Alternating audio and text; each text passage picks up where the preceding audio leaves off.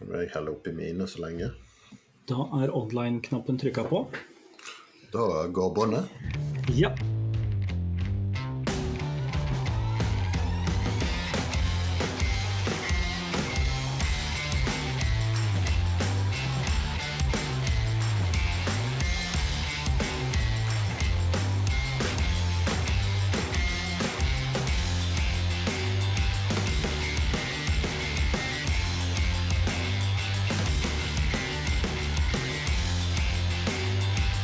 Ok. Eh, Velkommen til Maltprat, Malteprat, episode 33. Eller Eh, Den det føles litt rart å si det, men det er på, på en måte den første koronaepisoden vår. ja, det tok oss syv måneder å få fingeren ut. Ja, det var mye sånn god planlegging eh, og, og noen eh, tiltak eh, sånn på, på vårparten, men vi kom liksom aldri så langt at vi klarte å sitte hver for oss og ta opp. Nei, Men i dag så, så har vi da dobbelt studio. ja. Ikke på kjøkkenet denne gangen. Jeg sitter i kjelleren. Så Ja, det gjør jeg òg.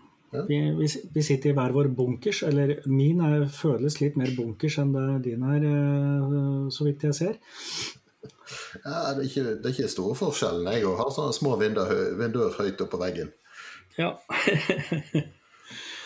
Uh, og da er det jo da sånn at vi har liksom ikke fått gjort noen stor sånn sortering av uh, sampler og, og ting vi skal smake av. Vi har ikke drevet og kjørt noe il, mm, ilbud eh, mellom uh, Skøyenåsen og, og Lambertseter, eh, men, men det viste seg jo at vi satt med en pakke med eh, hver vår pakke med noe som var likt.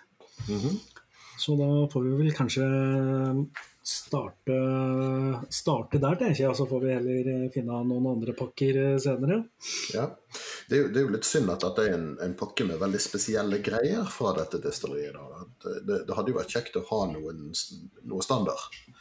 Men det, det har vi ikke. Og jeg vet ikke om det har vært til salgs i Norge på ganske lenge, egentlig. Nei, altså Det tror ikke jeg heller. At, uh, vi kan vel bare si hva det dreier seg om en gang. Uh, det er eh, Glenn Rottes. Mm, jo da, jo da. Polet har uh, tre stykker. De har det, ja. Ja da. Ja, nei, den ene er utsolgt. Den andre kan ikke bestilles. Men den Glenn Rottes 12 kan faktisk bestilles. Ja, Som er eh, en av de fra standardrangen. Det er kanskje alt de har. Mm. Ja, jeg tror det er alt som er i Norge. Det, det har uansett ikke vært eh, det destilleriet det har vært mest av her til lands, for å si det sånn. Nei. Eh, nei, og så har vel Altså, jeg har heller ikke drukket så veldig mye derifra tidligere. Jeg vet eh, fra ja, gamle dager så har jeg hatt en sånn eh, vintage-flaske et eller annet, og de var jo de var runde, og det, de er vel fortsatt ganske runde, de flaskene som Glenn Rottes kommer i. Mm. Jeg må innrømme at jeg ikke har oversikt over når de slutta med vintage-tapninger og gikk over til standard eh, aldersbetegnelser, men Jeg tror ikke det er så lenge siden. Jeg var der Jeg besøkte destilleriet på en eh, festival for noen år siden. Jeg tror ikke det er mer enn tre-fire år siden. Og Da var det vintage uh, som gjaldt. ja. Ehm, og det, det er jo et eh, det, det er et litt sånn vanskelig å plassere et destilleri i dette her. For de har en tendens til å ha et sherrypreg, vil jeg påstå. ja Men, men samtidig så er ikke det de som er blant de kjente sherrybombene som sådan. Nei. De jo da altså, har jo samme eiere som Highland Park og Macallan. Edrington Group. Så mye Glenn Rotches går vel egentlig i, i Glens av dem så, vil jeg tro. Ja, jeg vet Og ja. Eh, og jeg vet jo at de også, det finnes en god del eh, uavhengige eh, tapninger av Glenn Rothes, egentlig i større grad enn kanskje både i hvert fall McCallan og, og eh, Highland Park. Mm. Og det var vel et slags oppspill til det vi jo skal smake nå, for det er vel fire uavhengige tapninger alt. Mm. Um, og de um, Det er nesten så det kunne være en Cadenhead-episode, for tre av dem er Cadenhead-tapninger. Og den fjerde var det, sa du et eller annet om, for den hadde du uh, smakt tidligere, var det sånn? Ja, jeg oppdaget det. Den er fra svensk whiskyformedling. Eh, Nå er svensken min heller dårlig, men, eh, men det står så her iallfall. Svensk whiskyformedling, er det omtrent som Opplysningskontoret for maltwhisky i Sverige? Ja, nå har ikke Opplysningskontoret utgitt noen tapninger sjøl ennå, så ja. Nei, Jeg vet men ikke, jeg kjenner ikke til, eh, men SWF. ja. Um, ja. Vi kan begynne med den første, og det er ikke denne. Så. Ja, nei. Det er, vi går vel rett og slett vi, I sorteringsøyemed i dag så har vi, valgte vi etter en kort diskusjon å gå fra eh, svakest til sterkest. Det er jo veldig ofte en, en lur måte å gjøre det på. Ja, Og og ikke den helt store forskjellen på, på disse i alkoholstyrke, men uh, litt er det. Nei da. Og så er det også sånn at det ga oss det en annen fordel, i hvert fall sånn jeg ser det, og det er at vi starter med bur bourbon-tapningen og slutter med sherry-tapninga. Den, eh, den festivalsmakningen jeg var på destilleriet på, forresten, det må jeg nesten si, det, det var en av de særere whiskysmakningene jeg har vært på. Der var det en eh, var han eh, Jeg vet ikke om han var destillerimanageren, eller om han var uh, master blender, eller hva det nå var for noe. Uh, han var iallfall en, en brann i ledelsen der. Uh, Ronny Cox heter han. Brand Heritage Director. Brand Han, han holdt en snakking sammen med en fransk dame som hadde skrevet en kokebok om whisky. Og ironisk nok så hadde dette ingen verdens ting med whisky og mat å gjøre. Dette gikk på whisky og musikk. Ja. Han, fyr, han fyren på noen og 60 satte altså der og spilte rock. Og serverte whisky til den som passet til rockelåt, eller omvendt. Eh, og så tok hun dama, hun franske, jeg husker ikke hva hun heter i farten, og presenterte den samme whiskyen, men sammen med klassisk. Så vi hadde, hadde f.eks. Eh, Back in Black, jeg husker jeg var en av låtene. Og så hadde vi funnet en whisky som passet til den, og så hadde vi funnet noe klassisk som passet til den samme whiskyen etterpå. Ja, og smakte, smakte den forskjellig mm, med forskjellig musikk? Eh, Vanskelig å si, men det var uansett et spennende eksperiment. og jeg- no- Noe jeg har vurdert å gjøre seinere. Nå, nå har ikke jeg en egentlig målbar interesse for musikk sånn utgangspunktet, så, så jeg er ikke rette person til å gjøre det. Men, men interessant idé. Ja. ja. Altså, jeg tror jo at eh, altså, av alle mulige omstendigheter som påvirker smaksapparatet, så tror jeg jo tror jeg jo det at eh, stemning eh, gjennom musikk eh, absolutt kan påvirke oppfattelsen av eh, det du lukter og smaker på. Absolutt, men den der kontrasten at du går fra rock til klassisk, og så til rock igjen Ja, jeg har vært synes, ja, altså, Da skal musikken matche òg. Ja, Jeg pleide jo å si det at noe av det gøyeste jeg visste om, var å stå på mørkerommet klokken tre-fire om natten og så la Beethoven suse i høyttalerne så det gjallet i veggene. Og det kan, Da kan du like gjerne rocke og få den samme feelingen. Jeg var i Jeg har jo vært Var det i Bratislava Eller jo, jeg er på, på konferanse en gang. Der eh, jeg og han som dro på konferansesangen, ble innstendig av oppfordra av hotellresepsjonisten om å besøke et strøk i byen der, det liksom, der, var det, der opplevde du det tradisjonelle. Det var, og der var det jo da Det var eh, kjøttrestauranter eh, fra ende til annen i den gata. Og så var det med eh, orkestre som spilte til eh, den landets tradisjonelle musikk. Eh, Og kjøtt var jeg for så vidt interessert i, så vi fant oss da til slutt en restaurant der vi trodde det ikke var orkester, satte oss ned og bestilte en mixed grill, som man gjør eh, på den siden av kjøtteppet som går gjennom Europa. Og så kom det marsjerende et orkester eh, ut fra bakrommet og stelte seg rundt bordet vårt. Det bidro ikke til at jeg syns den maten ble noe bedre, altså. Nei. Jeg har en eh, lignende opplevelse fra, fra Polen, fra Krakow, uten musikken, riktignok. Ned i en kjeller der dekoren var fra 1600-tallet omtrent. Sant? Og det var eh, vi var en haug med folk, og vi satt kanskje 13-14 rundt samme bordet. Store, runde bord. Og så kommer det en eller annen kelner med rimelig stivpynta og står ved siden av hver av oss, og de, får maten med sånne eh, klosjer over. Så vi får ikke se maten. Og så, på et signal fra eh, hovmesteren, så avduker de liksom alle hovedrettene rundt det samme bordet samtidig, som en sånn eh, virkelig fancy greie. Og så gjør de så mye av den forestillingen, og så serverer de heller kjip mat. altså heller, heller dårlige greier, egentlig. Altså det, ja, nei, det, ja. det, er kjipt, altså. det er vanskelig med, ja, når det blir for mye innpakning og for lite innhold. Mm. Du, eh, skal vi da informere om hva vi sitter her og lukter på nå? Ja, det kan vi godt. Ja.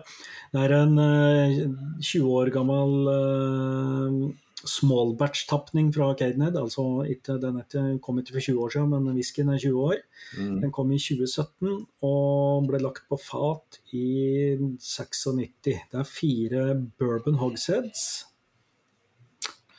Alkoholstyrke 51,3. Mm. 1314 eh, flasker til sammen har vært laget av den.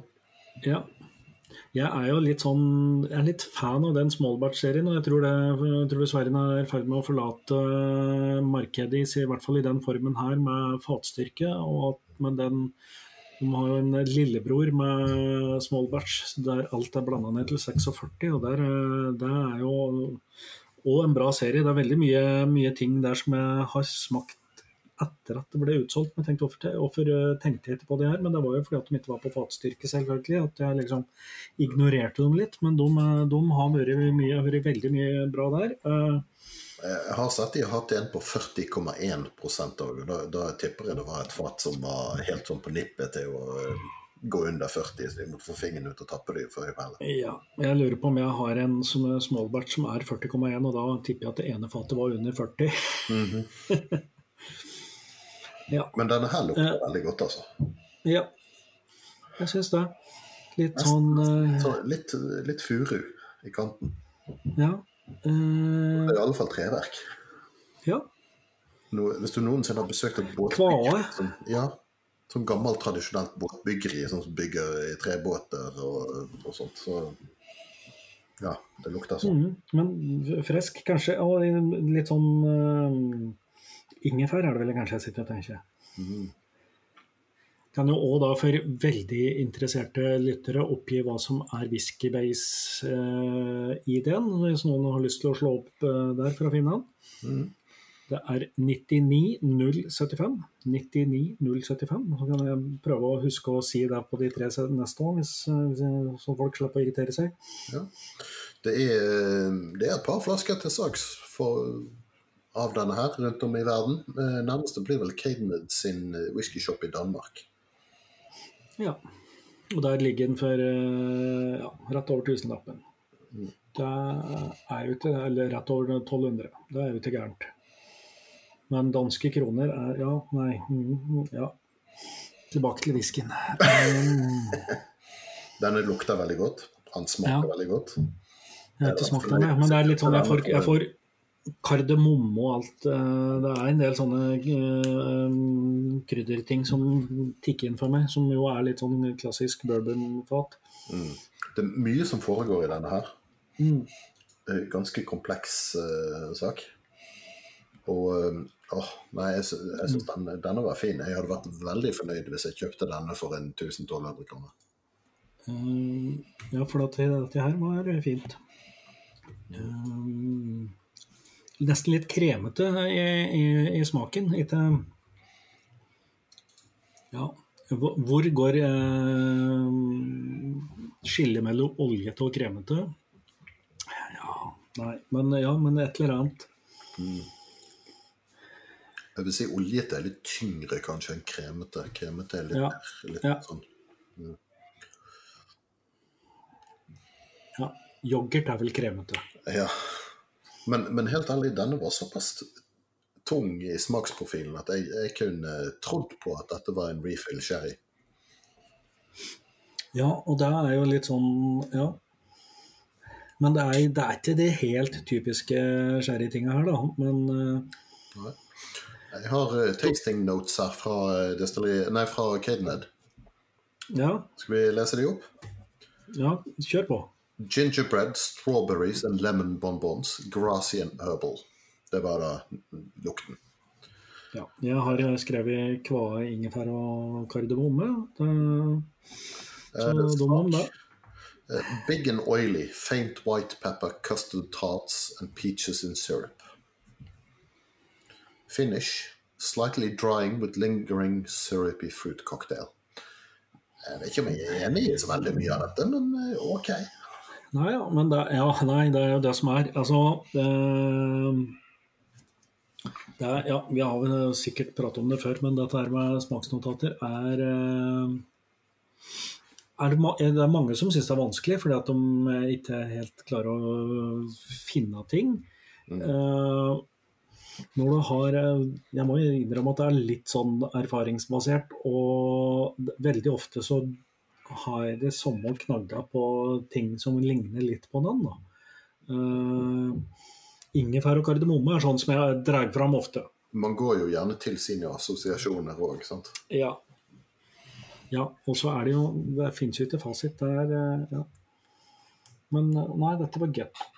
Ja, dette, var, dette var en ordentlig kosewhisky. Altså. Jeg, jeg lurer på om vi har bommet litt og tatt det beste til slutt. ja, det kan hende. Uh, mm. Og, ja. Og, det, jeg skal gi dem rett i at den er ganske tørr i, i Jeg mente ikke beste til slutt, jeg mente beste til begynnelsen, selvfølgelig. Ja, ja. Ja. Eh, Men, men avslut, ja. men slutt, avslutningen på den er, er ganske tørr, altså. Mm. Jeg, må liksom eh, dra tunga fra ganeseilet fra Og, ja, og, det, og, og det, er, det er vel kanskje der den blir mest fruktig òg. Jeg, jeg lurer på om det, det står det noe om befatningen på de Bourbon Hogshead, om de er uh, refill eller eh, first fill? Nei. Nei. Jeg ville tro at i hvert fall kanskje en eller to av dem er first fill, for er ganske Det er ganske mye av det bourbon-krydderet her. Mm. Ja. Altså, så jeg er i og for seg enig i at det var litt pepper og den slags, men uh... Skal vi se Skal vi bla oss eh, videre til neste? mm. Er vi sånn, eh, så Burde vi dra noen historiske fakta mens vi er i gang? Eller? hvis du har de på tungespissen, så kjør på. Ja, nei, det er bare sånn Dette er jo da et destilleri som er er etablert i 1878, så det er vel relativt tidlig i den bølgen av eh, destilleri Det er liksom den svære boomen med- bygging på slutten av 1800-tallet. Ja, det var vel eh, rundt om da det, det egentlig svarte seg å starte, for det var da regelverket eh, gjorde det rimelig nok til å drive lovlig. Ja, og, og in, er interessen og eh, altså, ja, produksjonen. Ja. Jeg har en liten timeline fra distilleriet her, ja. der de skriver at uh, i den lille byen der, eh, der de holder til, så ble whisky først destillert i 1840. ja. Og den lille byen, den heter jo da Rothes. Ja. Dette er Glenn Rothes. Eh, og en kar ved navn James Stewart tok over en, en gammel, et, et sagbruk der destilleriet nå står, i 1870. Og så som du sa, så startet han i 1878 å destillere. Ja. Har vel òg vært av disse morsomme destilleriene som eh, en periode levde litt på Glenlivet-navnet. Eh, så i eh, 1884 så bytta han navn til Glenn Rottes Glenlivet. Yeah. Right. Ja. Og fra 1887 var eh, formet de Highland Distillers sammen med Brookladdy. Nei, sorry, bu- bunna. Ja. Så de har en lang og broket historie. Eh, og det, det som kanskje understreker det ekstra, er jo det at eh, de har en, eh, en ganske stor eh, kirkegård liggende på destilleriområdet. Wow. ja. Og det, der er det masse gamle gravsteiner som er full av sånn, eh, sånn svart sopp som liker seg i nærheten av der sprit lagres eller lages. lages. Riktig. Så det, det er et skikkelig sånn, eh, sånn Litt sånn spooky eh, gravplass som ligger litt, litt på skrå oppover i skråningen. Så helt på toppen av, av åsryggen med gravplassen da, så ligger eh, gamle destillerisjefens hus. Ja. Jeg ser også at de produserer 5,6 millioner liter i året, eller må ha kapasitet til det. da. Mm. Så det er jo eh, er Da plasserer de seg vel i en eller annen slags medium uh, size. Ja, det er iallfall ikke et lite destilleri. Det er det ikke. Ok, Nå har jeg begynt å lukte på den neste, som, også er en uh, Caden-tapning.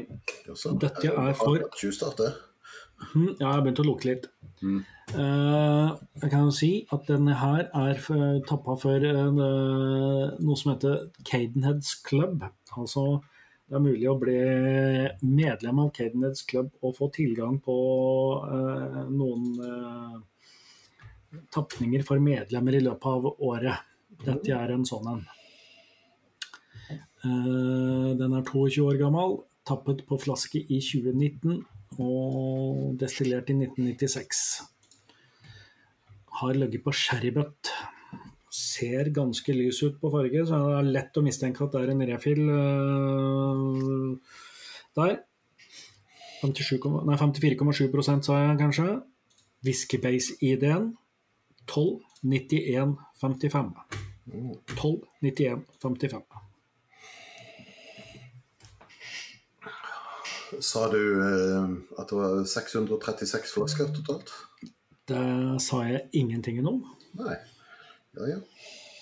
Men det er vel en rimelig, et rimelig antall flasker der når det er en sherrybutt som har vært i opphavet. Mm, det høres ganske rimelig ut. Mm. Uh, denne kan ikke fås kjøpt i, i noen butikk for tiden, men eh, det, er, det er et bruktmarked rundt om i verden. Ja. ja. Nei, jeg tipper at uh, nå har jo ikke vi en hel flaske. Vi har jo fått Vi må skylde vel Jonny en takk for, for disse samplene her òg. Han bidro jo med Var det forrige episode? Han har bidratt med en god del, eh, faktisk, de siste episodene. Ja, denne luktet godt, men eh, etter 22 år han er litt sånn lys gyllen og Etter 22 år og med den eh, lukten her, så vil jeg tro dette er en refill sherrybut.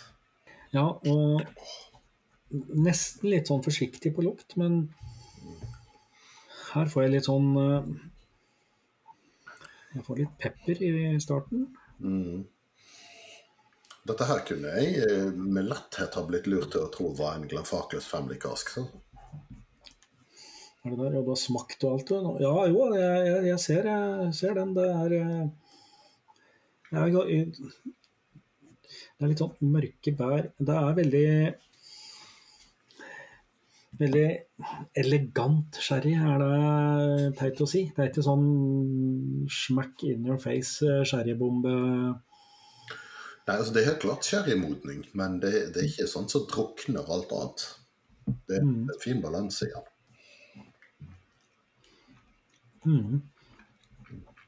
Ja, jeg får litt pepper eh, all the way through, ja, men um, jeg skal, denne her skal få en ørliten dråpe vann med en gang.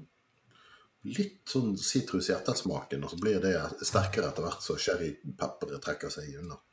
Ja, han er litt um, ja, Jeg vet ikke hvorfor jeg sitter og tenker på blodappelsiner, for jeg vet egentlig ikke forskjellen på en vanlig appelsin og en blodappelsin, men det var um, Kanskje det var sherry i praten vår. Begynner å bli lenge siden jeg har smakt blodappelsin. Men det er ikke Ja, for det er ikke, det er ikke, sitronsitrus, det er mer eh, rundere og søtere. Ja, jeg tenkte appelsinskall, kanskje. Noe sånt. Mm. Oh. Ja, og mm, mye Litt vann syns jeg gjorde den her godt. Mm. Den ble, ble litt rikere i smaken. Um, ikke så mye pepper. Mm.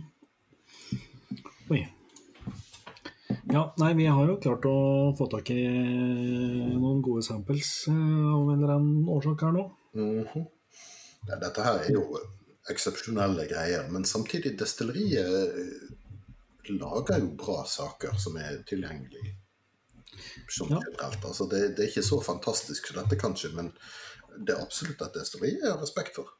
Ja, ja, ja. Jeg, som jeg innleda med, så har jeg vel egentlig ikke Det er en av de jeg liksom Ja, jeg vet om, men jeg har liksom aldri gjort noe kjempeinnsats for å, å smake så mye på det.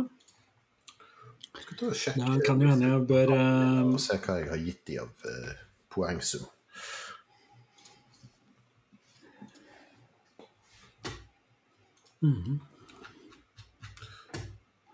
Ja. Jeg sitter jo selvfølgelig og er livredd for at det skal lufte gummi eller eh, kruttlapp og sånn. Det er jo mye min nemesis i sherrytapninger. Finner ikke det. Men det er noe som begynner å nærme seg litt i lukta. jeg fikk i litt vann, men det er sånn Det er mer eh, funker som krydder og ikke som forstyrrelse av eh, Jeg har faktisk smakt en del av disse. Jeg er Ja. 18 forskjellige pluss de vi har. Tre av de vi har her. Jeg blir overrasket hvis det viser seg at jeg har rata en eneste Glenn Rothus eh, på Whisky Base, men uh, det kan jo fort skje at jeg husker feil. Det har skjedd før. Karakteren min på Glenn Rothus ser jeg spenner fra 83 til eh, Jeg har Nei, her var jeg en på 81. Og så har jeg et par stykker på 90. Så det er liksom spennende. Ja. Jeg har blant annet smakt tre forskjellige Weems-tapninger av Glenn Mathis. Det skulle du sett her, ja. ja jeg, som jeg sa. Jeg, eh, jeg har jo tatt feil eh, før, jeg. Men det var ikke mange, da. Det var tre. Eh, I spennet fra 84 til 90. Så ja. Det har jo vært gode greier, det òg. Ja, de to er i et best karakter har vært eh, 90. Det har vært en Weems eh, 20 år gammel. Og en Distillery Bottling 29 år gammel. Ja. Eh, jeg har rett og slett eh, jeg har smakt eh, standard tolvåringen. Gudene vet hvor og når jeg har gjort det, men det har jeg gjort. Og jeg tror òg jeg vet svaret på når de gikk over Jeg tror det var i 2017 de gjorde om hele rangen sin, og da de kanskje gikk vekk fra vintage over på standard aldersbetegnelser, da. Det kan nok stemme. Jeg tipper dette er noe jeg har fra en eller annen whiskyfestival. Mm. Nei, det er det faktisk ikke. Eh, Jeg ser jeg smakte den i januar i år. ja, ja. Okay. Ja, men det til 2020 er jo det året vi glemmer det meste. Ikke? sant? Så det er fort gjort. Mm. Skal vi skli over på den siste fra Cadenhead, da? Den er, Ja, Gjerne det er en det bli litt igjen i glasset, så vi kan ha noe å gi karakter på. Gjerne det. Mm. Det er en eh, 19-åring som er den neste. Den er mørk, mørk altså. Dette er Ja. hva skal vi si, mørk te. Julete-type Nesten, ja ikke bare nesten heller, ganske rød. Ja. Rødbrun. Mm. Det er en eh, eh, 19 år gammel ja, Cadenhead fra den serien som de kaller Wood Range. Eh, de har eh, noen enkeltfatstapninger som får en egen Wood Range-etikett, og da er det jo da gjerne det, er vel sjelden at det dukker opp bourbonfat i Wood Rangen, men sherrykask er ganske vanlig. Rom har de gjort en del av, og portvin. Men Dette er da en sherrybutt. Um, 19 år gammel. Kom, ja, kom i 2017 58,7 så vi er jo på vei oppover mot uh, et eller annet her. Mm.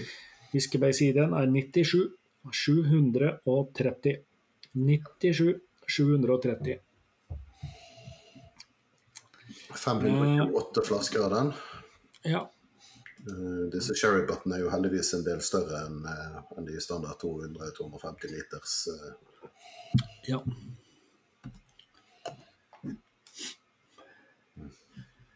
Og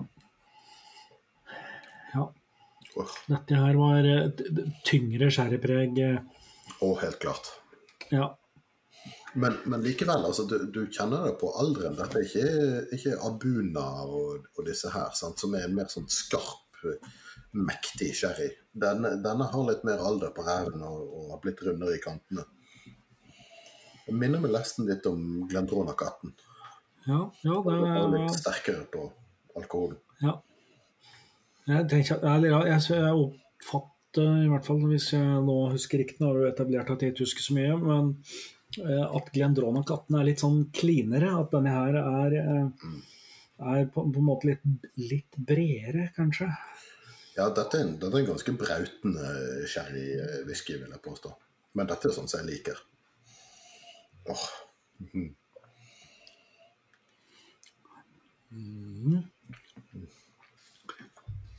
Ja. Eh, Veldig sånn, ja, litt, litt sånn møbelpolish, men òg litt syrlighet, appelsin eh, Litt sånn tropisk frukt. Litt krydder. Som du var inne på, kardemomme, pepper. Vi fikk, eh, fikk noen stykker med en sånn litt julete eh, Hva det heter Pumpkin. Eh, Gresskar. Gresskarkake. Altså mer eller mindre sånn, sånn bananbrød bare laget av gresskar. Og, og den, den er litt sånn som dette her. Sant? Sånn mørk, krydrete Ja. Mm. Og så Ja. Jeg, jeg skal nå si det jeg frykta i stad. Stian, da. Jeg, sy jeg syns ikke det var Når jeg lukta på den først, så tenkte jeg ikke så nøye over det. Øh, Da tenkte jeg liksom ja, litt tyngre sherry, kanskje litt, litt og litt eh, Skitten vel litt egentlig, men eh, litt bredere enn den liksom sylskarpe, klare Glenronaken. Men når jeg får den da i munnen, og særlig i ettersmaken, så sitter jeg igjen med litt sånn fyrstikker og eggepromp. uh, det tipper jeg er en slags svovelforbindelse. Eh, jeg har tidligere tenkt at det ikke er så var for det, men det, det er jo det jeg som for meg ødelegger eh, noen sherrytapninger. Og så vet jeg at eh, veldig mange andre syns at jeg er helt tullete når jeg sier det. Blant annet du antagelig, men Og det var, greia er at når jeg har kjent i ettersmaken, så kjenner jeg det i lukta igjen etterpå i neste runde. Nei, dette er bare noe du innbiller deg. Ja, jeg syns akkurat i munnen så er den ikke så ille, men ettersmaken blir fyrstikk og eggepromp. Da, det kan hende og å finne noen andre ord for det som høres litt mer eh, positivt ut, men eh, det får være din jobb. jeg, jeg ser hvor du kommer fra. Eh, Det er noe som minner litt om, om ja, fyrstikk, brent gummi, litt sånt. Men, men samtidig Når man beskriver whisky, så bruker man jo en del tilsynelatende negative referanser, men på en positiv måte. Og det er sånn jeg opplever denne smaken òg. Ja, jeg har eh, Det fins en del røyka whisky som jeg òg kan synes at er litt sånn brent gummiaktig, og det er ikke nødvendigvis eh, negativt eh, hvis jeg er i rette humøret. Men uh, dette her var kanskje ikke helt Nå skal jeg se, Det pleier jo egentlig bare å bli verre sånt når du har i vann, så jeg nøyde meg med akkurat to dråper. Men du, ja, jeg kan i hvert fall dra fram den positive tingen jeg oppdager nå, da. Og det er honningkake. Ja, ja. En litt sånn saftig kake, sant? Mm. Ikke, ikke sånn tørr, luftig, men litt tung, saftig. Jeg får en god del sånn um, altså Hvis du tar kirsebær og andre litt, litt søte røde bær, og så eh, koker syltetøy på dem, og så lar du det svi litt, sånn at det blir nesten litt knekk i bånn. Jeg får litt den feelingen av det. Mm. Ja. Nei, jeg, kan jeg skal ikke foregripe begivenhetene altfor mye, men um, har vel egentlig de fleste som hører på dette, har vel skjønt uh, hvor det bærer en for min del nå. Å, Stian. Vi må snakke sammen. Ja. Ja, men er ikke det bra at det, vi liker forskjellige ting? Det, er jo det, det, er- og, og, det er jo det som er gøy med hele her, eh, å drive med dette her, er jo at ting er så vidt forskjellig. Og så er det lov å ha forskjellig smak. Det er derfor jeg drikker whisky og ikke konjakk og alt det andre. Ikke det, det, det er godt det òg. Det, det er bare så lite variasjon i forhold til dette. Ja, nå skal vi ikke erte på oss de alle de der konjakkfolka, men uh, ja. Begge to? Eh, ja, jeg har begynt å Jeg har, begynt, jeg har nylig bytta jobb. Og jeg har begynt på et nytt prosjekt, og da eh, sammen med nye kollegaer. Da er det jo det der Jeg må innrømme at jeg driver med litt maltmisjonering da. Så når han ene sa at, eh, på teamet mitt sa at ja, jeg er jo litt glad i konjakk, jeg pleier å drikke det, men jeg syns det er så mye, det er så mye røyk i den whiskyen. Da tok jeg det litt forsiktig og kom med et par, par enkle anbefalinger til ting som kunne kjøpes på polet. Han, har fulgt opp og har begynt, med, begynt på én flaske. Spør meg her om dagen hva var den andre flaska du øh, nevnte. Så nå Så det er håp. Ja. Nei, jeg, fikk en lignende henvendelse fra eh, samboeren til en kompis av meg i London. De, de er i ferd med å bli litt sånn eh, eh, Ja, hva skal du si. Det er jo Smittetilstanden i London er jo ganske ille, så de er mye innendørs. Hun har ikke drukket noe alkohol, særlig alkohol før. Hun har vært total avholds, men har blitt mer og mer interessert i, i hans whiskyvaner. Ja. Hun, eh, tente virkelig ikke på røyket whisky, så sendte hun en henvendelse med sånn Du, hva kan du anbefale? ja. Og det er jo uh... Den er den samme som vi har gått ut med før. Altså, uh, finn ut sånn cirka hva ting smaker. Kjøp deg små flasker innenfor det, og prøv deg frem. Finn ut hva du liker. Ja.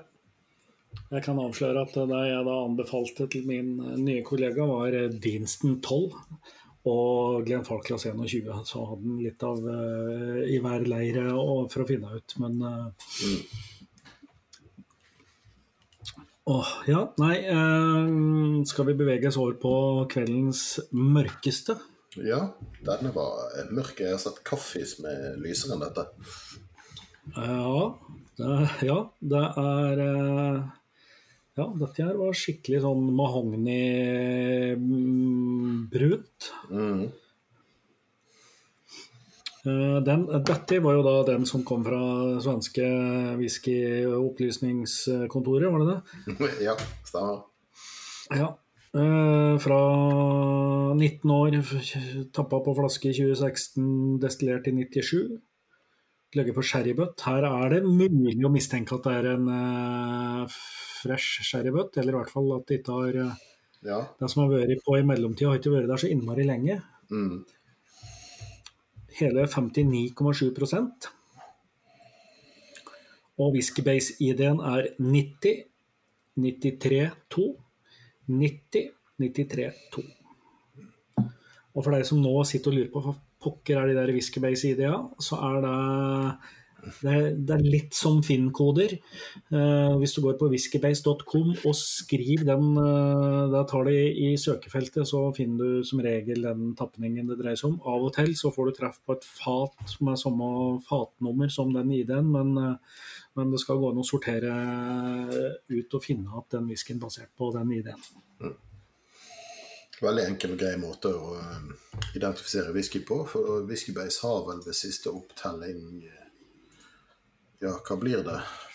Uh, hun, nesten 160 000 forskjellige whiskyer registrert. Ja. ja. Så hvis du trenger lesestoff, så er det jo bare å gå inn der og begynne.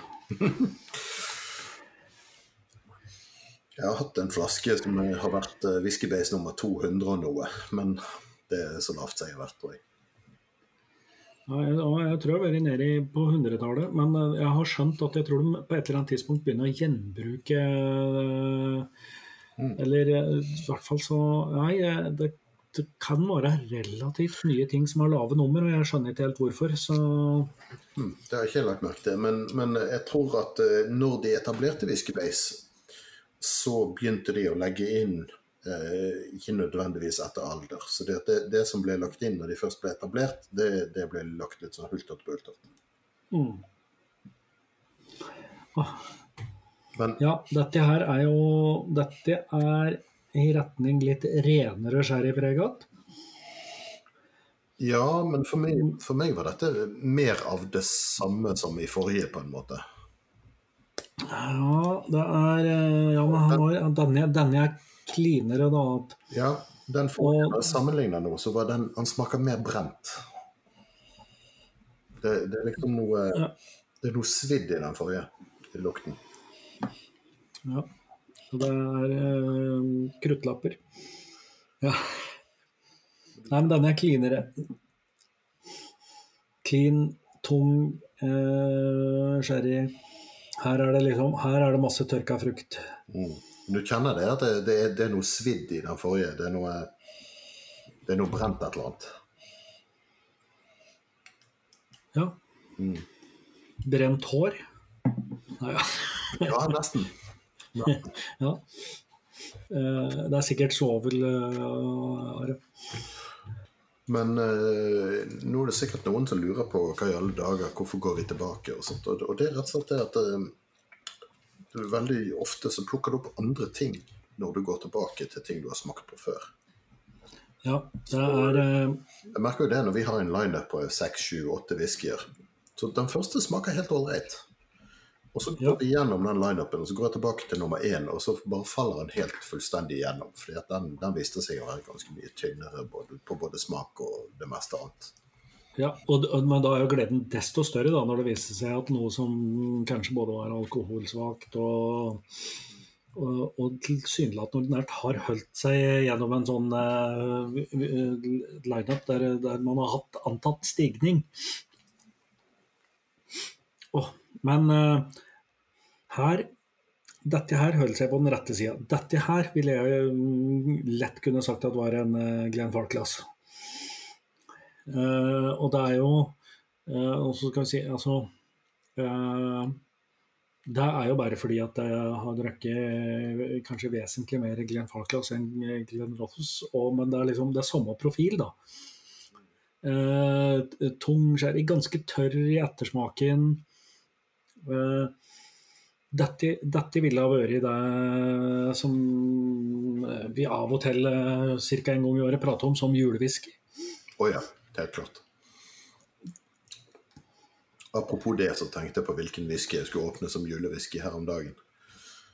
Og bante litt, fordi at den innlysende kandidaten har jeg allerede åpnet. ja, for det, ja, for det må jo åpnes noe til jul. Det må kanskje det. Mm. Ja. Oh, men eh, Ja, og denne her eh, Her er det, kan jeg med glede melde at det verken er fyrstikker eller eggepromp. Det er bare um, tydelig, tydelig sherryprega. Altså mye frukt og tørka frukt og bær. Nesten litt salt. Ja, og så Jeg sitter og tenker på en sånn derre uh, En sånn semimørk sjokolade. Eh, Villmark var det et eller annet som kom med noe uh, sjokolade som heter med noen nøtter i. Ja, og det, det er vel noe blåbær og noe bringebærversjoner av den òg. Så du Ja. har sånn tørket, komprimert frukt og sånn mørk sjokolade utenpå. Det syns jeg var kjempegodt. Ja, dette, um, Ja. dette, var en, eh, dette var en bra um, Ja, kanskje heller ikke sherrybombe, da, for den, den er for balansert til å være det som er eh, det er skikkelig trøkket du får i de litt yngre, ordentlig sherrydrevne greiene. Men eh, ja hva, hva, blir en, eh, hva kaller man en gammel sherrybombe, Are? Hmm, tja, vet ikke. Sherryfyrverkeri? Nei. Altså, jeg, jeg, vil kalle dette en sherrybombe, for det, det er et ja. heftig sherrypreg på den. Og etter 19 år i en sherrybutt, så, så, er nok det Og med den fargen her, så er nok det Ja, men det, det er kanskje det er litt mer sånn presisjonsmissil av et eller annet slag? Det, han, han, er, han, er velbalansert. Han er ikke sånn som bare teppebomber tungen din. Så den, denne har, eh, har, en balanse. Mm. Mm. Oh, eh, jeg skal Ja, den var vakker, syns jeg. Mm. Ja. Men jeg, jeg, må jo prøve de andre igjen òg. Dette, dette, blir litt spennende hvorvidt den første, som er ren bourbon, holder seg i dette selskapet her. Ja, det som er Jo, den var ganske Den var smaksrik, den òg, men det er jo det som ofte er masse sherrywhisky. At de liksom det er, litt som å å drikke IPA og så gå tilbake til uh, Ringnes. En eller annen hvetepils eller et eller annet, da, som jo òg kan være fantastisk øl, men etter at du har drukket IPA, så har du liksom brent ut uh, smaksløka. Ja, nei, det, og det er kaffe og det Nei, men det er, det, ja, det er masse greier her. Uh, du er på nummer fire? Den siste? Jeg er fortsatt, jeg er fortsatt på fire. Mm. Jeg hadde mm. Ja, altså denne er Denne er mørk både i lukt og smak og utseende. Ja. Eh, men ikke på, ikke på den triste måten, da. Nei. Sånn, eh, det er ikke en, eh, det er en uh, goth eller black metal uh, du, jeg, jeg, har en barndomsvenn som er en, langt fremme i et uh, velkjent uh, svartmetallband. Uh, ja. Jeg har invitert han og resten av bandet til, til smaking, så hvem vet. En gang de er i Oslo, så, så tar vi en episode sammen med de her. Ja, gjerne det. Ja.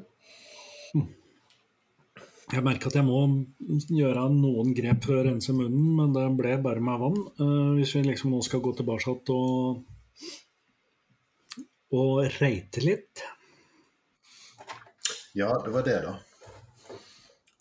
Hmm. Det er jo veldig forskjellig profil på disse her. Samtidig ja. var alle sammen gode. Ja, og nå er det klart det er vanskelig å Nå sitter vi med bare uavhengig topp så det er òg litt vanskelig å liksom, tenke hva er destillerikarakteren her? For dette er liksom Ja, det er, ja, det er, det er tre singelkasks og én som var en blanding av var det fire fat. Mm. Så det er liksom uh, det er ingenting til at jeg som forteller oss noe om hvordan masterblenderen jobber med standardtapninga deres, f.eks. Altså, Men Glenn Rothes er et gammelt og ærverdig, klassisk destilleri som jeg vil egentlig anbefale at folk sjekker ut. Den standard tolvåringen deres koster ikke all verden. Nei, den, og er eh, sannsynligvis ikke det beste som er å få derfra. Langt derifra. Men, men jeg tror det er en helt hederlig whisky. Ja, det var vel den jeg hadde gitt 83 på 100-poengsskalaen til Whisky Base. Mm. Eh, den, er, den holder 43% da, sånn sett, så det er, er det i utgangspunktet en liten alarm mot at den kanskje ikke er den mest komplekse whiskyen du får tak i.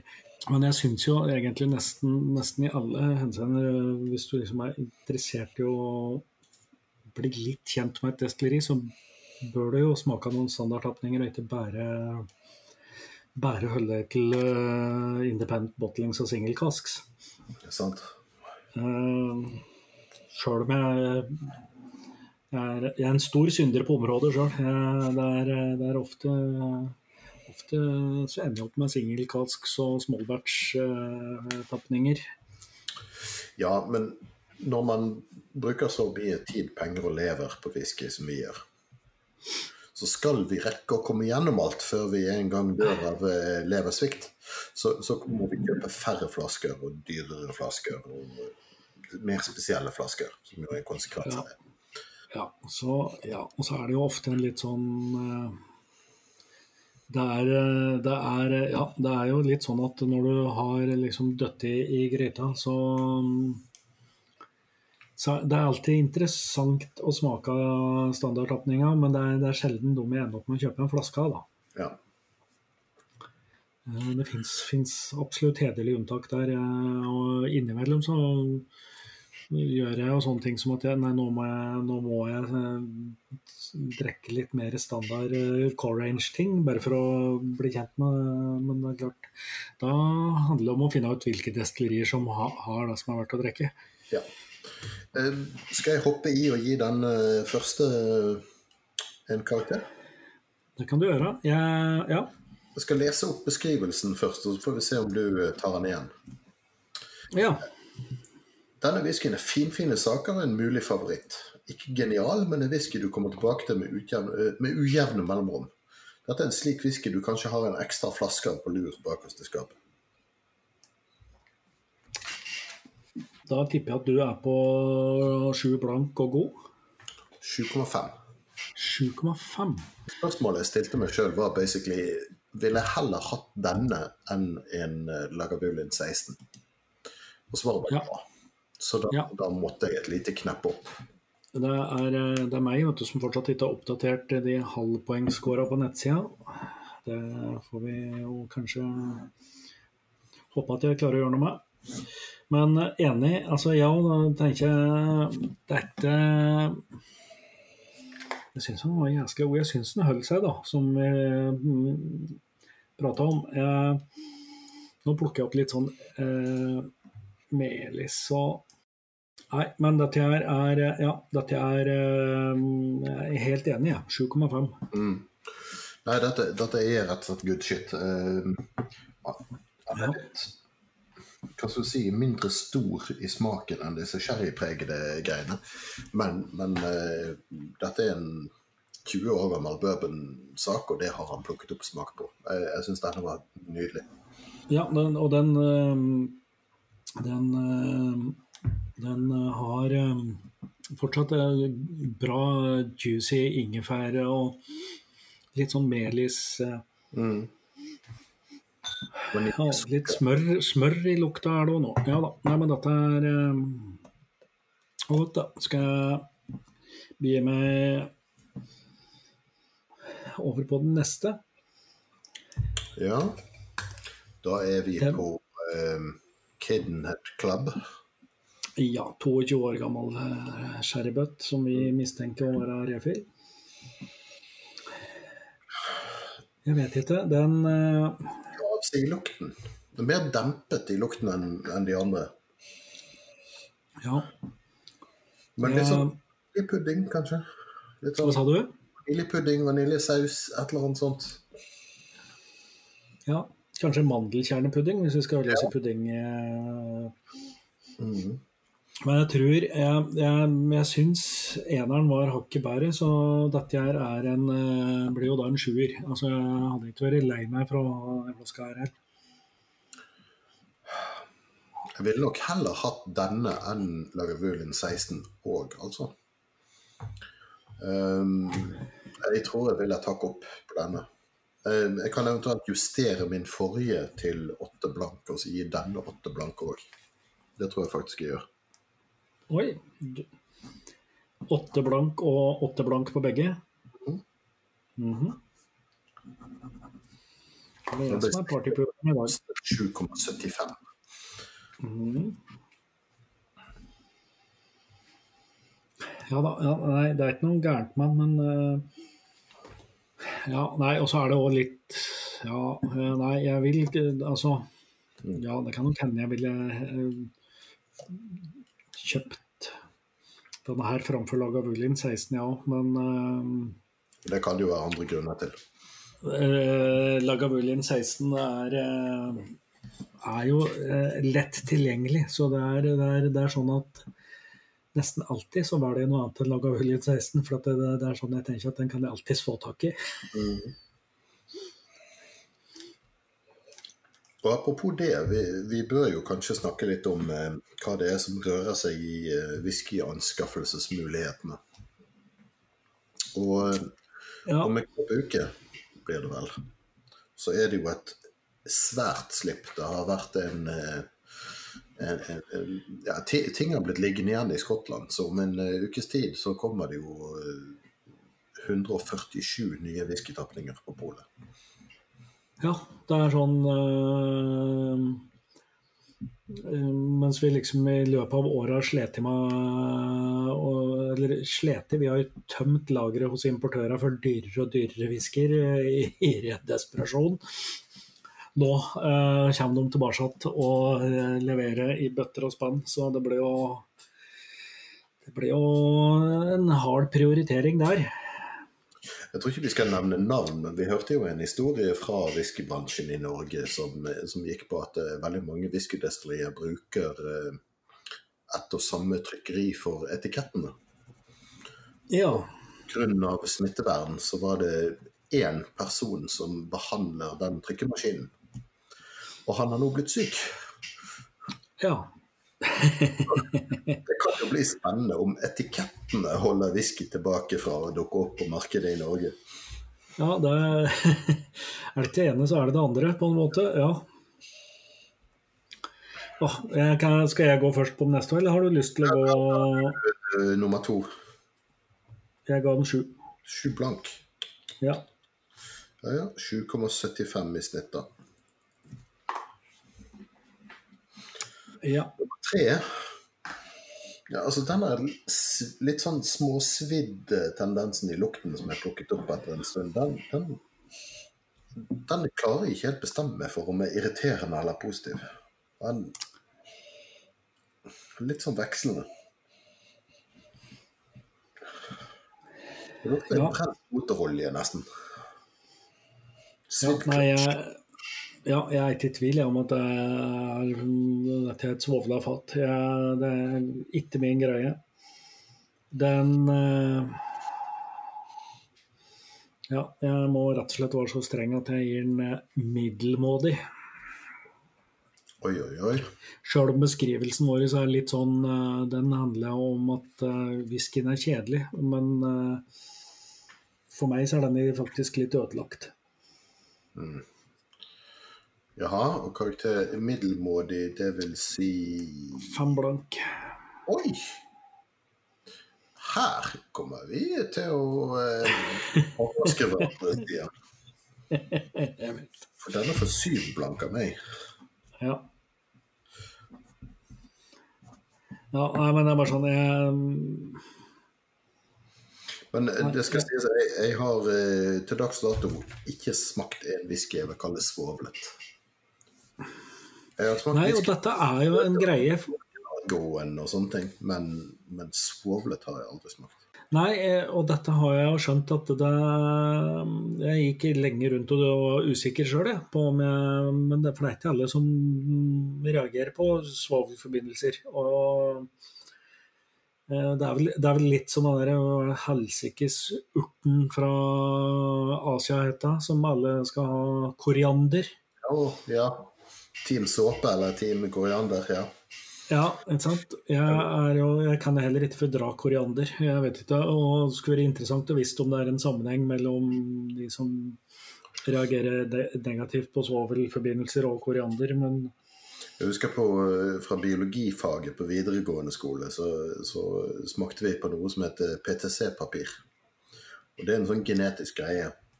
Akkurat, at det er genetisk om du har øreflipp eller ikke, eller klarer å rulle tungen eller sånne ting. Så, ja. så er det genetisk hvorvidt du smaker PTC eller ikke. Og jeg er en av de som ikke smaker det. Og det tror jeg jeg skal være glad, glad for, for alle jeg kjenner som har smakt det, sier det smaker ordentlig dritt. Akkurat. Det, det er da et lite stykke papir som er innsatt med et eller annet fullstendig ufarlig kjemikalium, men, men som for meg smaker papir. Det er som å ha et A4-ark i munnen. Ja mens andre sier det, det der er helt forferdelig. Og jeg, jeg lurer på om kan ha litt samme, samme greiene. Ja, jeg, for meg så blir dette Og når det først dukker opp, så er det på en måte sånn at det, det over for alt det andre. Eh, for jeg hadde jo en litt sånn når jeg, når jeg smakte på den første gangen, så sa jeg tok det ikke på lukta, men på ettersmaken. Og nå, men nå er det der hele veien. Liksom. Da liksom bare Det dominerer for meg. Og da blir det rett og slett noe jeg ikke, ikke vil ha. Mm. Jeg likte denne bedre på, på første runde. Men da jeg gikk tilbake til den nå, så syns jeg ikke han nådde verken nummer én eller to. Fem, der syns jeg du var streng. Men, eh, men OK, det, det, har du lov til. Ja, ja, ja men det er, det er, rett og slett for, for meg så er det for mye usmak. Og da Men det, ja, det er som vi sier, det er jo en uh, individuell greie, akkurat det der. Og jeg har ikke egentlig oppfatta meg som en sånn veldig sånn uh, så god på å detektere svovel, men, uh, men jeg har jo ja, eggepromp i, har jeg jo funnet en del sherrywhisky, så det er vel det, da. ja, altså vår venn med, med, en viss bibel, han er jo eh, fullstendig allergisk mot svovel. Ja, han kjører, kjører kampanjer mot det. Eh, han mener, men han er jo mer sånn at han mener nesten at all skotsk sherrywhisky er ødelagt av svovel, så vi ja. Mm. Ja, ja. Skal vi gå til nummer fire? Det, ja. det er den jeg har smakt før. Ja. Og den fikk 90 av meg den gangen. Mm. Men det er på vår skala hmm. Ja. Du hva, jeg jeg skal gjøre det samme stuntet som du gjorde i stad. Uh -huh. Jeg skal eh, oppjustere eh, de to første. Mm. Jeg skal oppjustere den første til 8 blank, eh, nummer to til 7,5. Og så skal denne nummer fire å få åtte blank av meg. Som er en klassisk whisky. Klassisk åtte blank, skal vi se. Jeg tror faktisk jeg var oppe på, opp på 8,5 på den siste her. Ja, jeg er ikke overrasket. Dritgod. Ja. Dette kjente faguttrykket. Ja, nei, denne her er sånn, sånn som jeg skulle ønske jeg hadde en flaske av. Altså, for uh, ja, dette er Gud. Ja.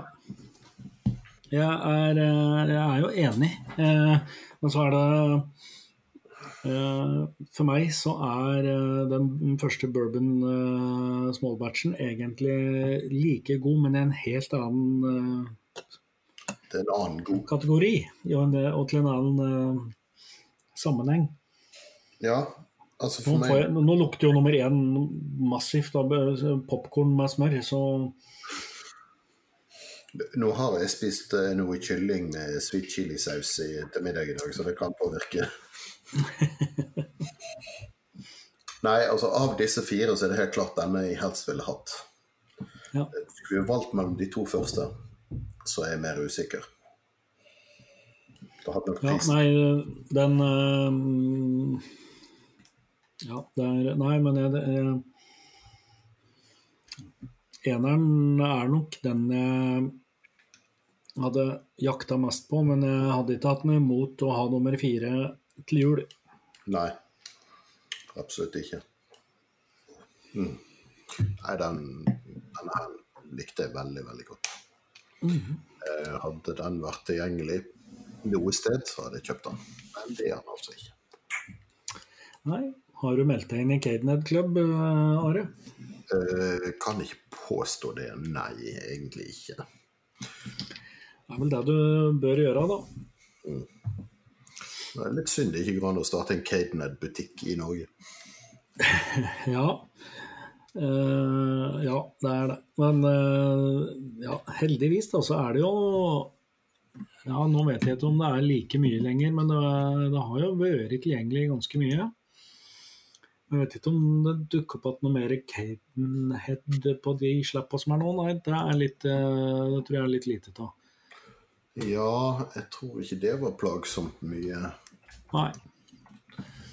Men det var rikelig med andre independent bottlings, da. Det, så akkurat uh, å ha noe å velge i, det blir det er ikke problemet. Det er vel mer det hva skal man øh, velge.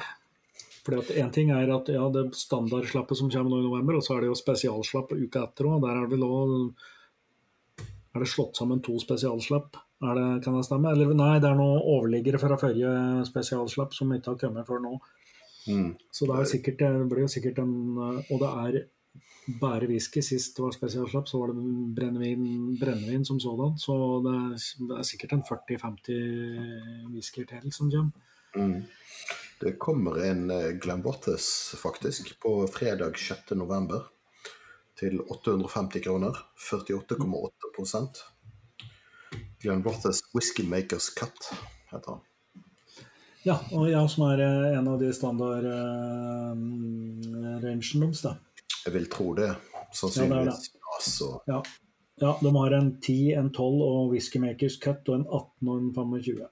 Mm. Men den Whiskymakers Cut er den da kanskje å Er det mulig å tenke seg at den er eh, på fatstyrke? 48,8% Det er jo en litt merkelig eh, styrke. Ja, men den er i hvert fall Ja, ikke sant, for det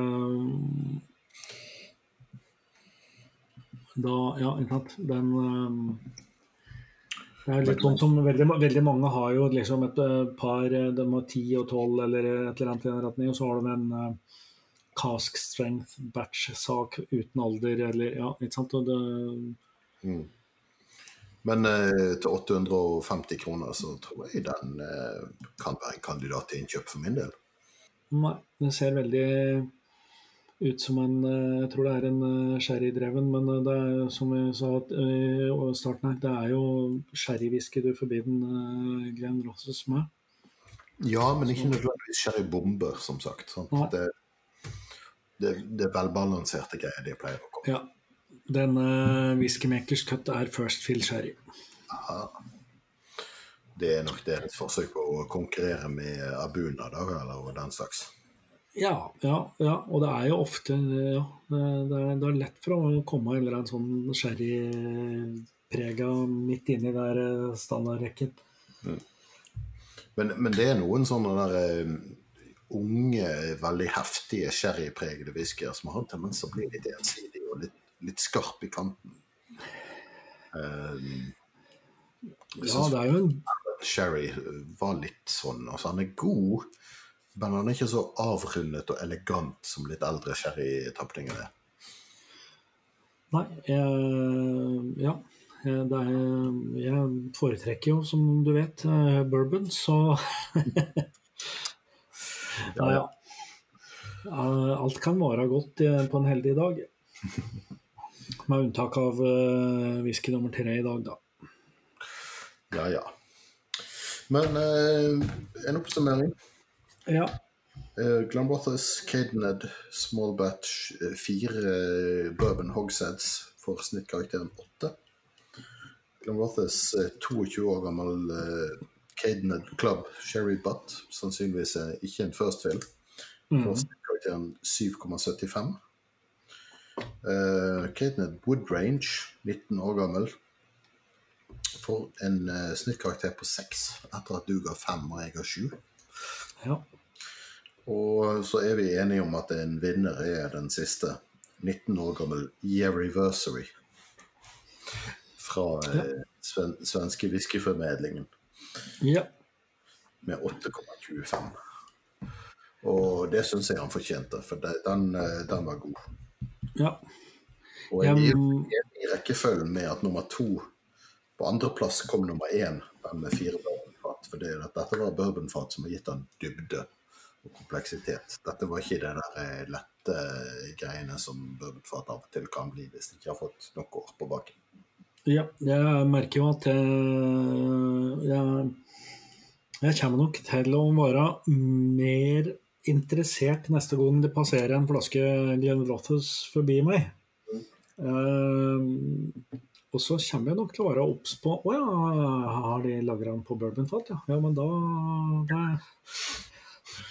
det er interessant. Ja, og da syns jeg jo ofte med veldig mange sånne destillerier som er uh, kjent for sherryfat, så er det alltid gøy å smake ting som er laget på bourbonfat. Ja, og omvendt. Det, det er alltid ja. noen som gjør noe bra, gjør noe på en litt annen måte. For det, det er potensial for at det òg kan være bra. Ja, men de som er kjent for å lagre på sherryfat, har ofte et litt sånn kraftigere destillat. da. Mm. Og det er, vel, det er sjelden at du liksom smaker, snakker om de som liksom, klassisk bourbon-lagringsdestilleri. Ja, det har sikkert litt med markedsføring og, og, og, og den slags å gjøre. Men, men, mange som lager litt sånn lettere og mer fruktige destillater, de tåler ikke å ligge noe særlig på sherry. Altså, de, blir, de blir drept av det. Ja, det er bare drukner destillatpreget. Ja. Ja. Mm. Nei, du skal ha robuste greier for å, for å takle robust fatpreg, helt klart. Og mm. da sier vi vel vi takk for oss for denne gang. Kom med ja. Ros og innspill som vanlig. Um, um, Hovedkontoret Ja, vi er litt usikre på rekkefølgen på uh, når dette blir lagt ut. Dvs. Si, denne blir vel lagt ut om ikke så veldig lenge. Ja, den, eh, den, tenker jeg blir lagt ut i løpet av uka. Eh, det er i hvert fall min ambisjon. Uh, og så får jeg se, nå, nå som vi nå sitter og ikke sant, vi tagger opp online og ja det, Jeg skal vel mye til at jeg klarer å forkludre alt i, i redigeringsmodus etterpå. Um, så det, viser det seg jo at dette her, eh, så langt i hvert fall, har fungert greit sånn um, produksjonsmessig. Så det, det, kan jo hende at det blir flere episoder med maltprat fra bunkersen en periode framover nå. Ja. Så får vi se. Vi har jo en episode til i, i, i boks som vi venter litt med å legge ut. Ja. Vel kanskje i løpet av november, tenker jeg. Det vil jeg tro. Ja. det er jo ja. Og det blir noe å glede seg til, kan vi vel avsløre. Ja, er eller, eller Hvis den skal liksom være negativ, så kan denne bli interessant. ja. Det, det, er mitt håp om at de som følger med når den episoden blir lagt ut, ikke går glipp av noe interessant for å si det sånn. Ja, ikke sant. Ja, ja, det, ja, det var en fin måte å si det på. Ok, skal jeg da si ja, jeg, Nei, nå jeg ble tom for bourbon, så da blir det nummer fire, da, som det er at en liten dråpe i. Skål. Skål.